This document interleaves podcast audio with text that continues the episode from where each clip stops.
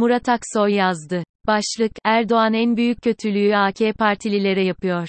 AK Parti Genel Başkanı ve Cumhurbaşkanı'nın geziden itibaren siyasi bir tercih olarak kullandığı kutuplaştırıcı dil ve üslup her gün dozunu arttırarak devam ediyor. Sadece Erdoğan değil Cumhur İttifakı ortağı MHP lideri Bahçeli de kullandığı dil ile kendine oy verenler dışında neredeyse toplumda herkesi öteki ilan ediyor. Her gün dozu artan bu kutuplaştırıcı dil sadece söylem düzeyinde değil. Özellikle hukuk devreye sokularak öteki ilan edilenlerin bir kısmı ayrıca cezalandırılıyor da. Özetle Erdoğan ve Cumhur İttifakı'nın siyaseten tek amacı var, iktidar olma halini sürdürmek. Sistemden en çok AK partililer zarar görüyor ancak bu hedefe ulaşmak isteyen ittifakın Türkiye'ye ödettiği bedel, her gün giderek ağırlaşıyor. Ülke fakirleşiyor, ülke yalnızlaşıyor. Ülke içinde toplumsal kesimler birbirine şüpheyil bakmaya başlıyor. Ülkenin içinde olduğu bu halden en büyük zararı gören toplumsal kesimlerin başında AK Parti seçmeni ve tabanı geliyor. Sadece ekonomik açıdan değil siyaseten ve birlikte yaşama pratikleri açısından da. Siyasi iktidar en büyük zararı kendi tabanına veriyor çünkü, AK Parti tabanın geldiği kültürel kimlik, 2000'li yıllara kadar Türkiye'de, devlet tarafından en çok dışlanan, ötekileştirilen kimlik oldu.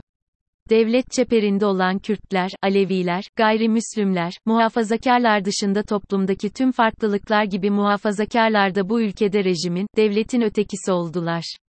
Dışlandılar, mağdur edildiler. Oysa AK Parti'nin 2002'den itibaren elde ettiği başarıda devletin ötekileştirdiklerinin koalisyonunun önemli etkisi vardı. Bu demokrasi koalisyonuydu. AK Parti, bu koalisyonu bozduğu gün kaybetmeye başladı. Bu koalisyon 2011'den sonra yıkıldı. Sadece kendi kültürel kimliği üzerine inşa edebileceği bir devlet hayaline kapıldı. Bürokrasi ve kamuda kendisi dışında herkesi kamusal alandan özel alana itmeye başladı devletten, devletin ceberutundan, antidemokratikliğinden şikayet edenler iktidar olduklarında devleti demokratikleştirmek, onu çoğulculaştırmak yerine onu sorunlarıyla sahiplenip, o sorunların parçası oldular. 7 Haziran seçimleri öncesi MHP kolaylaştırıcılığıyla başlayan devlete eklemlenme, 15 Temmuz kanlı darbe girişimi ile hızlandı ve 2018'de hayata geçen Türk tipi Alaturka başkanlık sistemi ile tamamlandı. Sandıkta elde edilen başarı iktidara siyasal meşruiyet sağlasa da son yıllardaki siyasal pratikle iktidarın toplumsal meşruiyetinin giderek azaldığını gösteriyor. Evet sandık, demokrasi için önemlidir ama her şey değildir. Devletin demokratikliği için çoğulculuk, demokratik yarış, katılımcılık, şeffaflık ve hesap verebilirlilik ilkeleri de en az sandık meşruiyeti kadar önemlidir.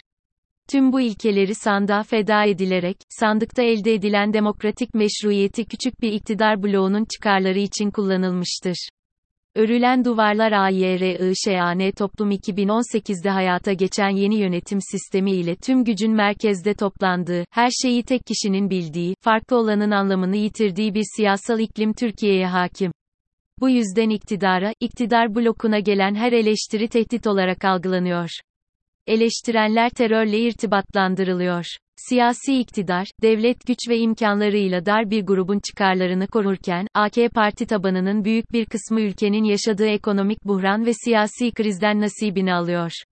Toplumu bu kadar kutuplaştırırken kendi tabanı ile daha büyük toplumsal kesim arasına büyük duvarlar örüyor.